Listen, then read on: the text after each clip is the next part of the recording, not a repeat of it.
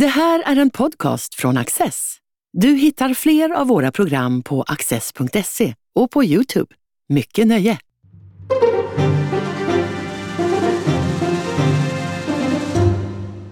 Varmt välkomna till säsongens första Studio Access.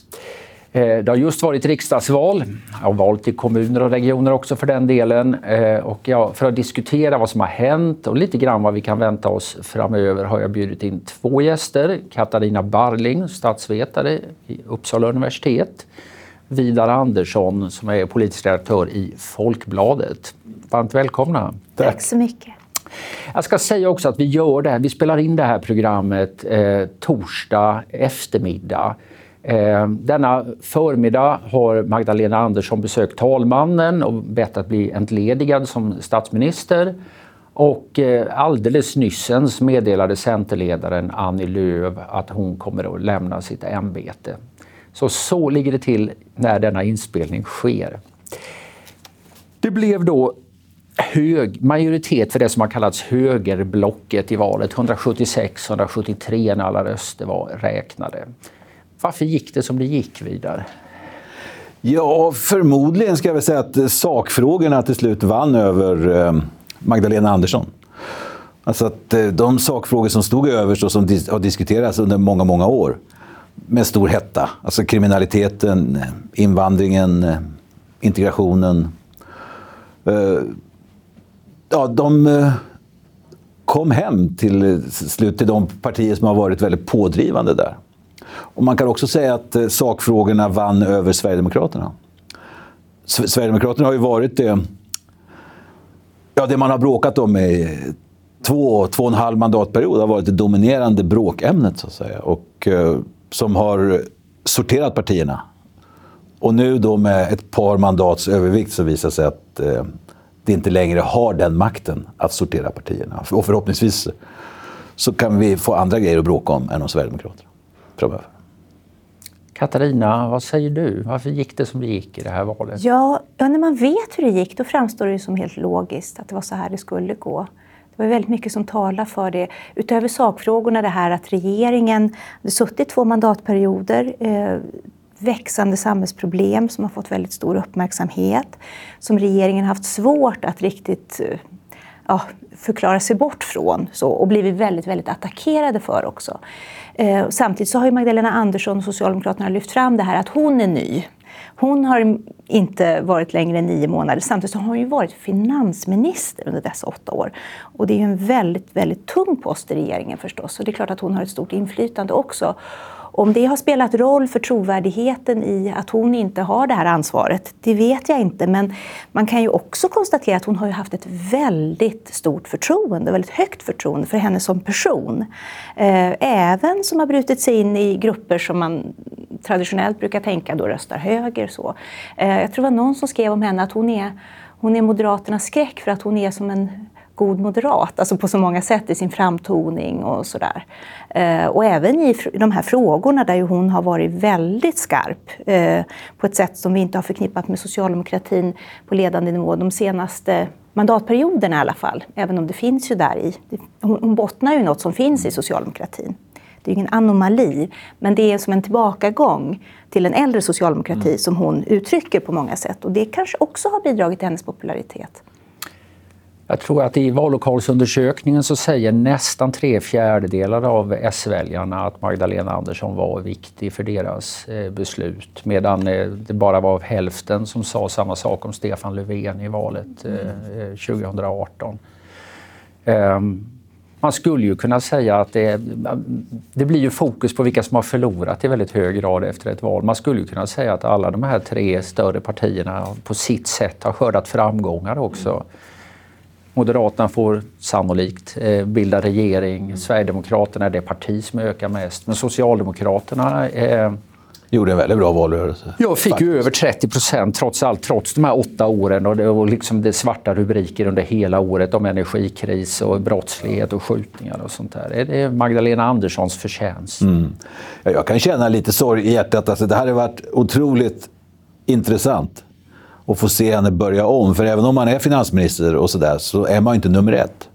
Alltså det är inte du som sätter samman regeringen eller som bestämmer vilka du förhandlar med, bestämmer, alltså har det sista ordet. Även om hon är, väldigt stark naturligtvis och bestämd, även som finansminister. Men det, det, hade varit intressant. Jag, jag, tror vi hade fått se, nu får vi aldrig veta det, men jag tror vi hade fått se en, en annan socialdemokrati träda fram lite åt det hållet som du, du talar om här, Katarina.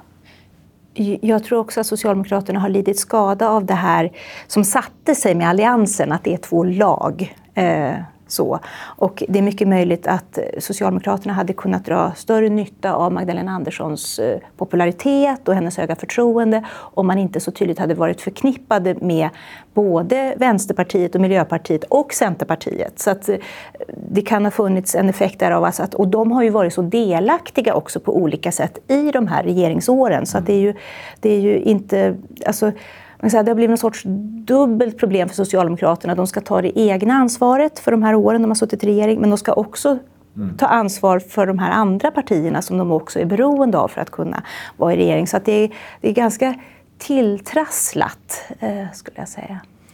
Leif Levin, professor i eh, statsvetenskap just i Uppsala, han, han, skrev väl ganska nyligen att det är inte så här det är tänkt. Det är inte tänkt att man ska tala om före valet vad det ska bli för regering utan så ska det inte fungera i en parlamentarisk eh, demokrati utan man röstar på parti man gillar och sen får dessa partier se vilken regering som kan formeras.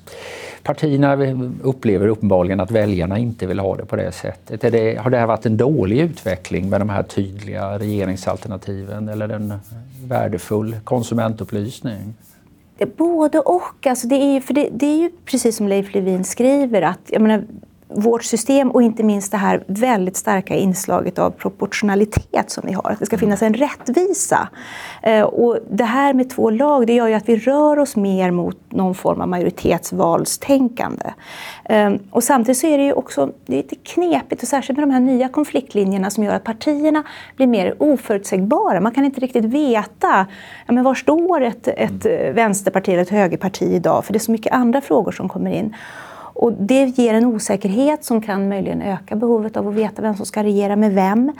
Och det i och med att de ändå partierna är så, man tänker sig att partierna mer skulle förhandla från fråga till fråga. Då skulle man ju kunna tänka sig att då finns det en större, då tar man en mindre risk eh, om man röstar och, eh, på ett parti, för då vet man att de kommer att sprida graserna.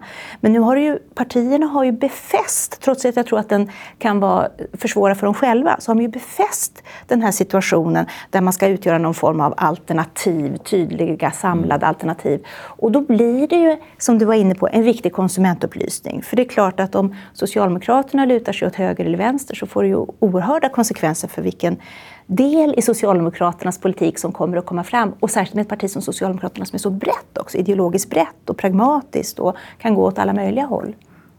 Vida, vad tror du om detta? Ja, det har ju...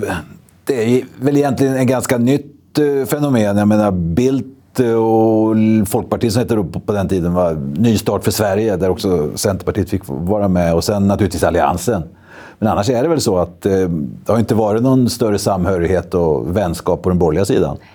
Alltså, utan man har ställt upp eh, som partier, historiskt sett i varje fall. Utan det började med Alliansen. Och sen den här valrörelsen så tror jag att det var väldigt lockande naturligtvis för Ulf Kristersson då, som hade lyckats baxa igenom ett förtroende för att uh, prata med SD, att, att förhandla vissa regeringsfrågor med, med SD och fått gehör för det i fyra partier och bland en växande del av sina väljare att använda det mot Socialdemokraterna. Ungefär som Reinfeldt gjorde eh, med Alliansen. Det var ju väldigt framgångsrikt. Många valdebatter han hade då mot Socialdemokraternas partiledare, mot Göran Persson också. Och eh, Göran Persson sa att vi ska göra det här, det här, det här. Han sa, ja, med vem ska ni göra det? Och hur ska ni göra det varje gång? Och det malde ner. Alltså det, det försvagade Perssons sida. Och på motsvarande sätt så tror jag det har försvagat, som du var inne på också Katarina, att det har försvagat Magdalena Anderssons sida. Och Socialdemokraterna. Att det där laget har funnits där för att Socialdemokraterna inte har velat ha det. Utan ville ju helst ställa upp som eget parti. Men, nä, men ska man ha nära band till någon så var det ju för att locka allmänborgerliga väljare ah, nära band med Centerpartiet. Men inte med de andra. Men Ulf Kristersson sa ju på vår sida är vi överens om, ja, och det, det, det, satte en press också på att ja, då blev det två lag. Mm. Faktiskt, i allmänhetens och mediernas uppfattning. Mm. Alla debatter, två lag. Mm. Även fast hon inte ville det. När du säger att det var sakfrågorna som besegrade Magdalena Andersson. Vem, vad säger det om de socialdemokratiska sakfrågorna och hur, vilket erbjudande partiet hade i det här eh, valet? Ja, vi hade ju inte många alltså, egna erbjudanden mer än att, att ta hand om Sverige på bästa möjliga sätt med Magdalena Andersson. Hon hade ju väldigt stort förtroende. Så det var ju ett, det höll ju nästan på att gå. Det, jag menar, det, det skiljer inte mycket, 45 000 röster och sånt där, va? eller kanske mer, 50 000. Ja, det där är ju alltid ett memento, att man tolkar nu historien eh, på ett sätt. Och hade det gått lite ja, grann ja, ja, hållet, hade vi suttit och fört ett helt annat ja, ja, samtal. Här. Det. det kan vara nyttigt att Det hade varit lika logiskt det också. Ja, ja, precis. Men för, för Socialdemokraterna är ju, eh, som, som jag känner mitt parti, alltså är ju... Eh, låser sig sällan för hårt i sakfrågor. Eftersom det kan ställa till det sen. För det viktigaste för socialdemokratin vilket brukar avhånas ibland, så att säga, att man kan göra allt för makten, men man kan göra väldigt mycket för makten. Jag tror också att göra med liksom det underifrån perspektiv som fanns med under väldigt lång tid. Man kom ju från, ungefär som Sverigedemokraterna, man kom ju som en paria in i svensk politik och marscherade raskt upp och tog platser i liberala regeringar tills man tog hand om det själv. så att säga. Det finns där, då vet man att politiken, de som är, alltså här pratar man alltså, de, de som har har mycket pengar, har kontakter, etablissemang och så vidare. För dem är inte, är inte politiken så jätteviktig. Okej, vi förlorar ibland och vinner ibland. Men om man bara har politiken så är den väldigt viktig. Och då är regeringen, regeringsmakten med alla dess möjligheter. Det är liksom nummer ett en av de saker som hände under valåret kan man säga, den symbol, kommer ju att symboliseras av det här att jag håller med Ulf, eh, som, eh, som Magdalena Andersson sa ganska ofta i, i program mot, eh, i slutet av valrörelsebevakningen. Och liksom Socialdemokraterna skärpte tonen kring migration, kring brottsbekämpning. Man förnekar för allt vad man är värd att man skulle införa någon fastighetsskatt och så vidare. Så det, det är så att säga, ni, i sitt budskap en högrare socialdemokrati som gick till val än vad det hade varit tidigare. Så att säga, eh, kommer de att fortsätta så, Katarina? Och var det viktigt för att det gick så pass bra som det gjorde? Ja, jag tror, uh, jag tror åtminstone i de här frågorna som man brukar kalla kulturfrågor och så, där tror jag absolut att socialdemokratin kommer att fortsätta den här riktningen som, som Magdalena Andersson har pekat ut. För det finns ju, alltså det är ju det det är ju det gamla folkhemmet. Eh, så. Sen när det gäller skattefrågorna, där är det väl lite mer osäkert. För det, det i folkhemmet och den här tanken om jag älskar Sverige och det här vi ska hålla ihop och så. Där finns ju också behovet av att hålla ihop med hjälp av inte minst höga skatter. Alltså att det är ju ett, det är så man argumenterar för de höga skatterna, ett sätt att hålla, hålla Sverige samman. Så, att, så jag är inte så säker på jag menar, socialdemokratin har ju sänkt många skatter, väldigt viktiga skatter. Eh, och eh, avhållit sig från att, att återinföra vissa. Eh, så att det finns ju den här aspekten med marginalväljarna som man behöver hålla på gott humör. Men ja, när det gäller det här med liksom Sverige och det här folkhemska, där tror jag verkligen att Socialdemokraterna kommer att hålla fast vid den här linjen. Och jag tror också att det kan visa sig att det är en del i det som gör att de har gått så pass bra vad tror du om det vidare? Ja, i huvudsak så, så tror jag det. Jag menar, det finns ju ingen, eh, inga stora valkretsar till vänster. Det ser vi ju nu. Jag menar, eh, Vänsterpartiet Miljöpartiet ihop 11-12 procent. Alltså, just nu, och, ja, det brukar ju vara väldigt jämnt och, och, nu är det en övervikt till höger. Och ser man på ungdomsväljarna till exempel och andra så är det ju väldiga övervikter eh, till höger. Titta på skolvalet vi fick i Norrköping nu. Det är på vissa skolor jag menar, ligger Socialdemokraterna under 4 procent. Och, um, så det är väl en sån generation på väg upp. Nu brukar vi alltid ha svårt, alltså från Socialdemokraternas sida, med yngre väljare. Ja, det är, förstagångsväljarna är trots allt en rätt liten, ja, ja, visst. liten grupp. Utan vi riktar in oss på de äldre och klokare. Med, ja. så, Men eh, sen beror det ju på naturligtvis hur... Eh, man kan ju förmoda här att regeringen Kristersson och alla medborgare i Sverige går lite besvärliga år till mötes inom den ekonomiska politiken. Vi vet inte hur kriget utvecklas. Och, jag menar, både säkerhetspolitiskt och ekonomiskt så är det ju oerhört allvarliga tider. Och eh, det kan ju bli så att, eh, att Kristersson eh, kommer få stora besvär Socialdemokraterna kommer kanske ligga på 35-40 procent i opinionsmätningarna som opposition. Vilket man gjorde förut under sin opposition, så det är inte otänkbart. Då. Och då kan det ju väckas en lust att eh, gå till vänster. Kanske mm, jämlikhetsfrågorna, jämställdhetsfrågorna, kanske på olika sätt. Mm. När man tittar återigen i den här vallokalsundersökningen så ser man ju att det är en lite annan eh, bild då utav den socialdemokratiska valmanskåren som framträder. Utan det är liksom, eh, man är eh, största parti bland tjänstemän. Man är det bland arbetare men verkligen med nöd och näppe. Alltså för där är SD nästan eh, lika stora.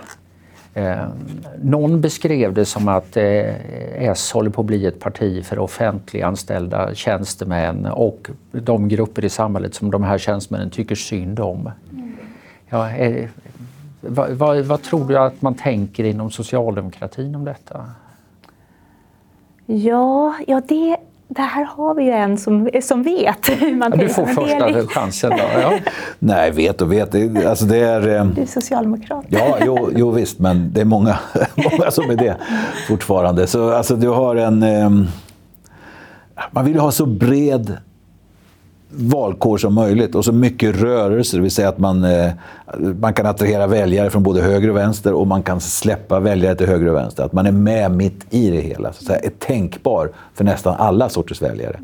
Och eh, börja smalna av och bli något typ av folkparti eller något sånt där. Det, det vore inte eh, något som någon önskar, utan försöka hålla uppe den här bredden. Och då är det ju, och det gäller ju inte bara Socialdemokraterna. Skulle jag, säga. jag lyssnade på Sören Holmberg, om gjorde det halv två på ja, ja, ja det var hans så bra. anförande. Ja, det var så bra. Och han underströk allvaret där. Ja, ja. Det blev tyst i skolbänken. Runt. Ja, han, han, sa liksom att man utmanar, man spelar lika med Socialdemokraterna ungefär med arbetarna. Man spelar lika med Moderaterna om företagarna. Och man är större, enligt en väldigt liten undersökning, men ändå, säg att man spelar lika med Centerpartiet om jordbrukarna och bönderna. Och eh, det funderas nog på många håll idag tror jag. Katarina? Jag tänker apropå det Vidar är inne på så är det ju så här att Socialdemokraterna har de har inga, alltså så här, de, man kan tänka sig, för ett parti som Vänsterpartiet så skulle den där typen av uppgång i fel så att säga, mm. grupper skulle kunna innebära en existentiell kris. Man skulle stå ut med det, man skulle vara plågad av det. Och så är ju inte Socialdemokraterna, utan det är ju det här, ja, men alla är välkomna hit och vi är de bästa och klokaste. Och, så här. och jag tänker också på historiskt den här, som ju var enormt framgångsrik strategi från Socialdemokraternas sida, när man vidgade sin målgrupp till, för man insåg att arbetarna, det kommer att vara för snävt. Mm. Det var en stor rörelse men det kommer inte vara. Så vi vidgar oss till att omfatta även löntagare. Just det. Och det har man ju verkligen lyckats med. Sen kan man ju fundera över såna här saker som att det, jag vet inte om det stämmer, men jag läste någonstans, jag har inte sett rådata, men jag läste någonstans att man har gått upp väldigt kraftigt på Östermalm eh, Socialdemokraterna i år. Det stod i någon av morgontidningarna Ja, det är så. Man ska inte tro på allt som står i tidningen. Men så. Och det, det är väldigt intressant. Och jag tänker också på att man funderar över alltså sånt som vi då förknippar med någon form av vänstersida i politiken. Man tänker både i Israel och USA. Så där som om man tänker Demokraterna och Arbetarpartiet, att de är, där har de en form av... Det är, det är högern där mest långtgående högern, det är den som vinner som underklassen och arbetarklassen mm. och sådär. Ja, alltså man kan väl säga att det finns en sån tendens lite varstans. Även Boris Johnsons stora seger här om året var ju lite... Man, någon stats, internationell statsvetare som jag inte kommer ihåg just nu har ju talat om det här med den nya konfliktlinjen som merchants versus mandarins. Alltså eh, det, ja, företagare och arbetare mot eh, akademiker, enkelt eh, uttryckt. Eh, ja. ja jag, jag, tror vi är, är, där i Sverige. Jag såg undersökningar. Svenska Dagbladet körde ihop med Sifo under hela valrörelsen. Väldigt intressanta undersökningar. Och gick in inte bara på vad man ska rösta på utan mer vad som händer i samhället.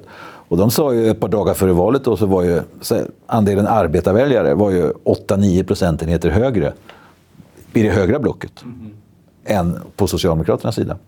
Och det var inte bara Sverigedemokraterna då, utan även Moderaterna hade en, en andel. Och det ser man ju när man mäter LO jag menar, Vänsterpartiet och de andra finns ju knappt i LO, utan det är ju Socialdemokraterna, Sverigedemokraterna och Moderaterna.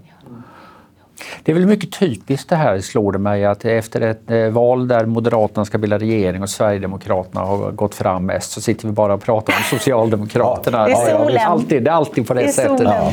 Det är alltid på det. Varför gick det så bra för Sverigedemokraterna? Därför att de är otroligt bra. Det... Utveckla. Ja. ja. Vad är det som det står i katekesen? Ja, nej, ja. men alltså det är en... Eh, jag lyssnade på Pontus Mattsson i, i, i Ekot i, i morse. Också som ju har, har följt dem och skrivit ett par böcker och, och följt dem väldigt noga. Och så där. Och, och eh, han talar ju om alltså det är en, den frammarschen som han har gjort alltså från för 20-25 år sedan då var, var man i, i rännstenarna och slogs med slagsmålsvänstern ungefär. Och nu är man Sveriges näst största parti. Och hur det har gått till. Och eh, det är det här att man har... Eh, ja, invandringen är ju bottenplattan i allt. Man kan, alltså, de behöver inte prata om invandring så mycket. Utan pratar man om det är långa köer i sjukvården så det blir det som Pavlos hund. Då tänker då de som eh, sympatiserar med Sverigedemokraterna, ja, invandrarna. Eller skjutningarna, ja det är uppenbart. Eh, men även andra problem så att säga. Så, eh, och man har nått fram då på ett sånt sätt alltså som, som vi var inne på alldeles nyss. Alltså, arbetare, företagare, jordbrukare, landsbygdsbefolkningen och så vidare. Man kan säga en del av det som, eh, ja, de verkligheternas folk om man säger så. Medan däremot om man, vi nämnde Östermalm förut eller annat, eller Södermalm eller eh, städerna och sånt där. Och, eh, där, där, är man, där stöter man bort i stort sett väljare och får väljare att lämna Moderaterna. För att de vill samarbeta med, med Sverigedemokraterna. Men sen är det ju så, det är Jimmie Åkesson har ju en väldig betydelse. Jag såg i valundersökningen, han närmar sig Reinfeldts siffror. Jag tror det var 80 procent. De sa att det var mycket viktigt för deras val och parti jag, jag, jag, Vida fångar perfekt det här, vad det handlar om. Och jag tror också att man ska lägga på ett historiskt lager i det hela. Så samhället är ju helt annat idag och det är andra frågor som diskuteras delvis och så. Men så är det så, ska man kunna säga att Sverigedemokraterna är framgångsrika också för att de är det som Socialdemokraterna en gång var. Och Socialdemokraterna var ju väldigt framgångsrika. Så det var ju någonting i folkhemmet eh, och socialdemokratin som verkligen appellerade till det svenska som, som jag är övertygad om lyckades fånga någonting i den svenska folksjälen, om jag får säga så, kulturen. Alltså det var något där. Mm. Och Socialdemokraterna har ju då delvis, och försöker nu återvinna detta, eh, men har delvis förlorat det och då är Sverigedemokraterna där och fyller ut det mm. fält som Socialdemokraterna har lämnat fritt. Sen också, jag håller med om det här med Jimmie Åkesson och eh, även vid sidan av de här mätningarna som görs så är det anslående. Alltså, det är så många människor som har sagt till mig, som är verkligen som aldrig skulle kunna rösta på mm. Sverigedemokraterna, som avskyr Sverigedemokraterna, som tycker att Sverigedemokraterna är livsfarliga, som säger men Jimmy Åkesson är så bra. Han svarar på frågorna, han resonerar, det finns inga talepunkter. Han formulerar sig på ett begripligt sätt som att han bottnar i det han säger. Eh, och att det säger något att även de som är allra längst bort från honom tycker att det är så. Ehm, så det är någon mm. form av... Han har suttit som partiledare i 17 år. Ja. Men betyder det att det blir kris för SD den dag han bestämmer sig för att lämna? Han är så pass ung. Han är, har ju inte, har ju inte bråttom utan han lär vara kvar tills det valet kommer när man inte längre ökar i varje fall. Och det kan ligga långt fram. Han är ung. 43 år. Ja, ja Alf Svensson höll ju på i var tre decennier eller något i den stilen. Så också kanske inriktad på att slå det rekordet. Det verkar väl inte som att Sverigedemokraterna kommer in i regeringsställning. Eh, jag tror inte de andra partierna vill det. Jag tror egentligen inte att Sverigedemokraterna vill det heller i det här, i det här läget. Men de kommer ju ändå uppfattas vara en del av den styrande eh, grupperingen. Eh, en del hoppas att, att detta ska leda till att de, luften går ur det hela och att ett parti som måste ta ansvar säckar ihop i opinionen. Vad tror ni kring detta? Så kan det vara förstås. Eh, men jag tror inte att det ligger liksom en nära förestående. Det tror jag inte. Utan eh, det, det, kommer ju bli, jag menar, det är ju ändå så att eh, det viktigaste för dem för Sverigedemokraterna är två frågor. Ska jag säga. Dels är det invandringsfrågan och det är inga problem. Det kommer, där, jag menar, det vill Moderaterna och det är liberala man får lirka lite med, men de får väl något annat i så fall. Eh, så, så den frågan är inget problem. Eh, det andra är välfärdsfrågorna. A-kassa, sjukförsäkring, socialförsäkring och så vidare. Och där tror jag, där, där behöver Ulf Kristersson vara väldigt lyhörd. Och, eh, för att eh, Sverigedemokraterna har inget som helst intresse av att, att bli ett högerparti. In, in, in, inte alls. Och det vore dumt av Ulf Kristersson att eh, försöka tvinga dem att bli ett högerparti. För då, då, missar man hela den kraften. Då kan det börja sjunka. Utan eh, förväntningarna... Jag har ju åkt runt en del och lett debatter ute på pubbar i Sandviken, och Göteborg och Malmö. Och, så, och, och träffat väldigt många sverigedemokrater och så vidare. Och jag känner igen många gamla socialdemokrater också. Alltså det, är, det är inget högerfolk. Och som han själv sa, liksom, när han får, man talar om dem som ett högerparti och med invandring. Jag menar, det, det är väl vänstern som är, är, brukar vara, brukade vara för en stram invandring. Som Det har ni helt rätt i. Medan höger mer, av, mer varit liberala. Och, um, nej, så det är välfärdsfrågorna. Det tror jag Kristersson förstår att det måste han, han, han får, får låta bli det där med a-kassan och grejer. Det är ju dessutom så att det är ju det att Sverigedemokraterna inte är ett högerparti som gör att Ulf Kristersson har lyckats nu få en majoritet ja, på, om vi kallar den då andra sidan, sin andra sida. Mm. Jag kallar det så. Som då en blandning. Annars har ju borgerligheten tenderat att byta väljare med varandra hela tiden. Så att... De har ju haft en förmåga att dra väljare över, ja, jag vet inte om det är blockgränsen eller vad det är för gräns, men i alla fall åt det hållet eller det laget som kanske de andra borgerliga partierna inte riktigt har, har haft. Ska vi byta några ord om här? Det ska bildas regering nu också. Eh, och det lutar väl åt, eller ja, att det blir antingen en regering, tvåpartiregering med moderater och kristdemokrater eller en trepartiregering med moderater, kristdemokrater och liberaler. Eh, och man kan tänka sig då att M, KD skulle vara det naturliga. De har kampanjat ihop i väldigt hög grad. L lägger in sitt veto mot SD i regeringen och då hämnas SD genom att säga nej till L.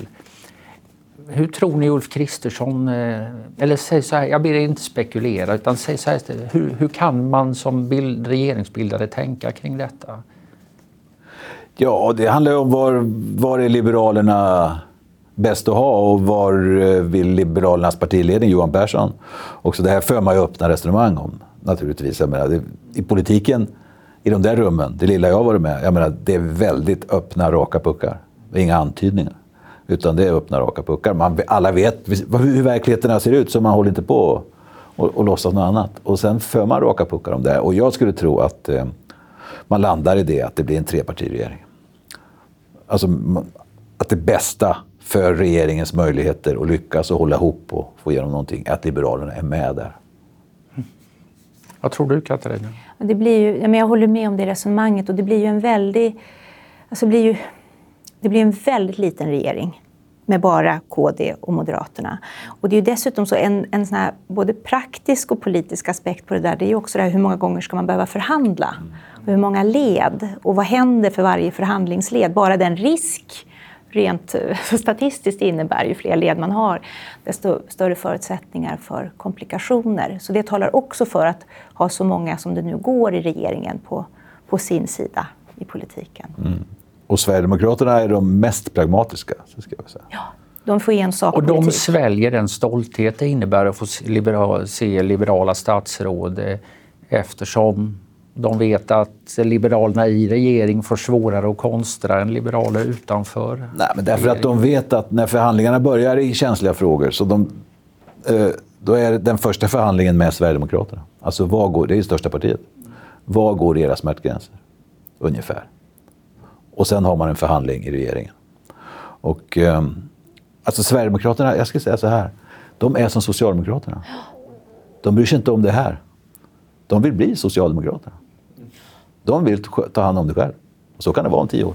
Och, och, där, apropå just det, ett av de mest talande citat jag har fått när jag har talat med Sverigedemokraterna, jag intervjuade dem ju när de var nya i riksdagen, och det, var, och det här tror jag de har upprepat i olika andra sammanhang också, så är det för dem är inte politiken ett 100 meterslopp utan är ett maratonlopp. Uh, och jag tror inte vi ska tolka det som att de ser det som att nu har de sprungit hela maratonloppet, utan de är kanske på mitten. Och det är klart att det vore, jag, jag, kan mycket väl tänka mig att Jimmy Åkesson, det vore fantastiskt för honom att få ingå i en regering efter det här, men jag tror att han tänker mer långsiktigt än så. S och SD har tillsammans majoritet i riksdagen. Kan ni se några omständigheter realistiska där den majoriteten realiseras redan den här mandatperioden? Nej, antydas och hotas. Absolut. det är ju en väldigt bra påtryckare för, för Jimmy Åkesson att säga okej, okay, går vi till sossarna. och eh, i sådana här välfärdsfrågor och, och, och sånt. Alltså, att det, möjligheten finns där, men eh, jag skulle tro att i varje fall till att börja med så, så kommer man att avhålla sig från sånt. Man kommer att uppvaktas av Socialdemokraterna, det tror jag naturligtvis. Men, men eh, Magdalena Andersson har ju, har ju stundtals i alla fall varit lite mindre benägen än några av de andra statsråden att gå på om eh, nazistiska rötter och allt det här. Eh, sen har de ju nu precis i samband med sin avgång eh, eh brassat på lite grann i de eh, frågorna. Vad, vad, vad säger det om henne och om partiets strategi framöver? Jag vet inte, utan det där, hon håller väl på och slutar nu. Och det är klart att, eh, jag menar, eh, jag som är vekhjärtad, jag, jag tycker synd om alla jag menar, som förlorar också. Man vill att alla ska vinna faktiskt. Precis som du var inne på, man vann, alla ska vinna någonting i alla fall. Och, eh, det är klart, det här jag menar, det är andra gången hon avgår på tio månader. Då. Och eh, det, är, eh, det är klart, det var väldigt nära. Det är klart det känns bittert. Och det är inte alltid lätt att, att stänga alla ventiler. Så du tror det handlar mer om en sinnesstämning än en strategi? Ja, eh, just nu i alla fall så tror jag att det skulle vara rent av obegåvat att, att fortsätta hålla på och älta det där. Men för även, jag menar, vilket val du visar. Alltså under, under, det här, under den här mandatperioden också, inte bara den första när liksom SD gjorde sitt stora lyft från 5 till 13 procent. Så eh, även nu så har vi ju nettoförluster till Sverigedemokraterna. Ganska stora sådana. Och eh, det där får man nog se upp med. Så Det kan vara något kampanjtema, vi vet hur det ser ut inför nästa val. Men eh, att hålla på och älta det där, det, tror jag inte man kommer att göra. Nej, alltså av det skälet som vi var inne på tidigare, det här med att, att kunna ha makten, gripa mm. den. Och då, då gäller det att det är ju det som Socialdemokraterna har gjort dem så framgångsrika det är att de har till skillnad från vissa andra partier inte dragit upp väldigt mycket röda linjer hela tiden. Sen har det varit en skillnad under senare år men även den, de röda linjerna från eh, S, om man får kalla det så, har ju handlat om att kunna behålla makten, mm. att göra det omöjligt för andra sidan då att ta över. Vi ska väl säga några ord också om eh, Annie Lööfs eh, avgång här som annonserades alldeles bara för någon timme sedan. Säger den någonting om vad Centerpartiet, vad Centerpartiet drar för slutsatser av det här? Är det er bedömning att Centern nu att liksom väg, och, och nio så är vägvalsfrågan öppen eller har de surrat sig så hårt vid det här och vara det stora eh, anti-SD-alternativet att de kommer att fortsätta på det spåret?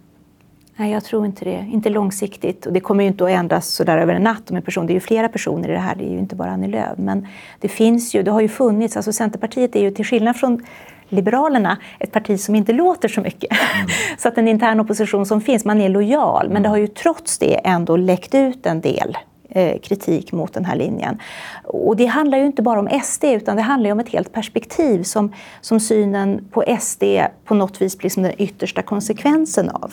Så, så att det är mer i det här också eh, som handlar om att Centerpartiet, Bondeförbundet har förvisso den här idén om, den, eh, om frihetlighet och den självägande bonden och sådär, det finns där, men det finns också en mycket mycket djup konservatism som på många sätt, alltså man ser till rött, är det mest konservativa parti vi har. Som ju, är, som ju har att göra med partiets ursprung där man ju faktiskt är bokstavligt talat bunden till jorden man står på.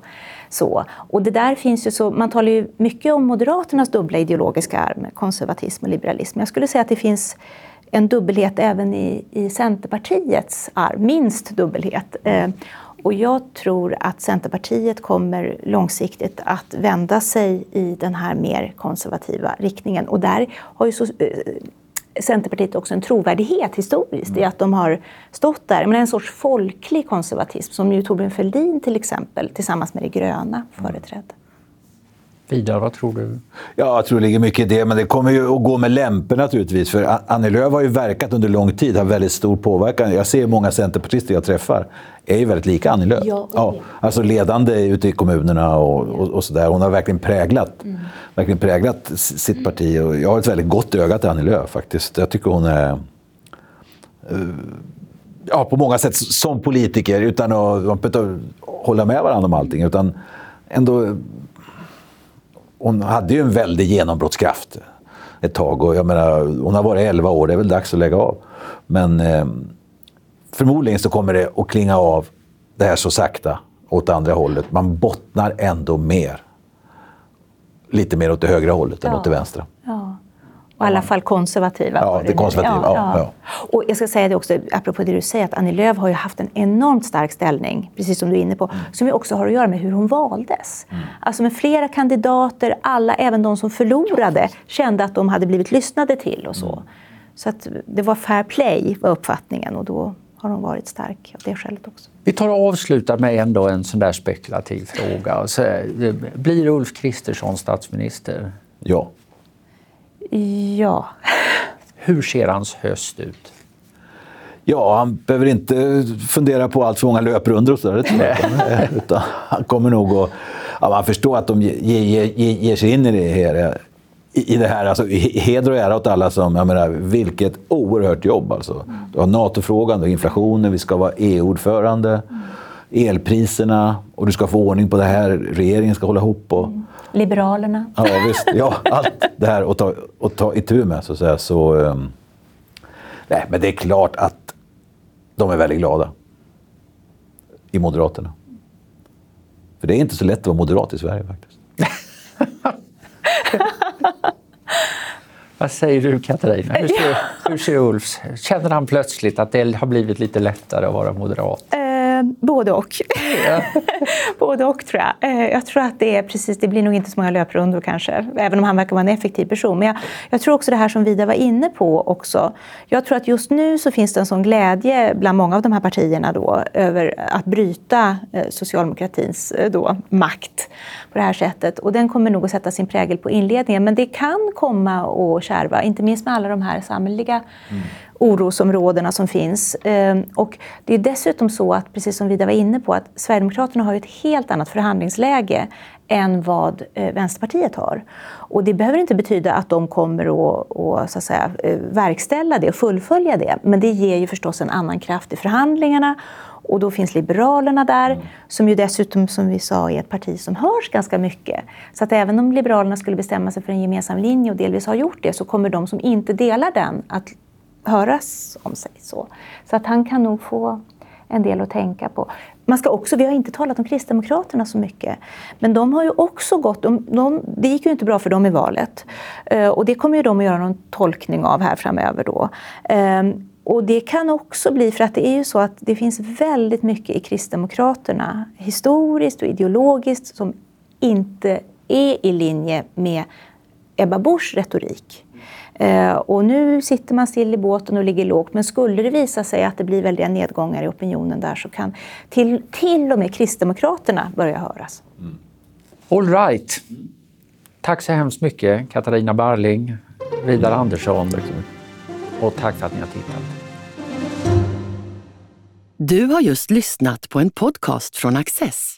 Du vet väl att vi också är en tv-kanal och tidning? Teckna en prenumeration idag på access.se.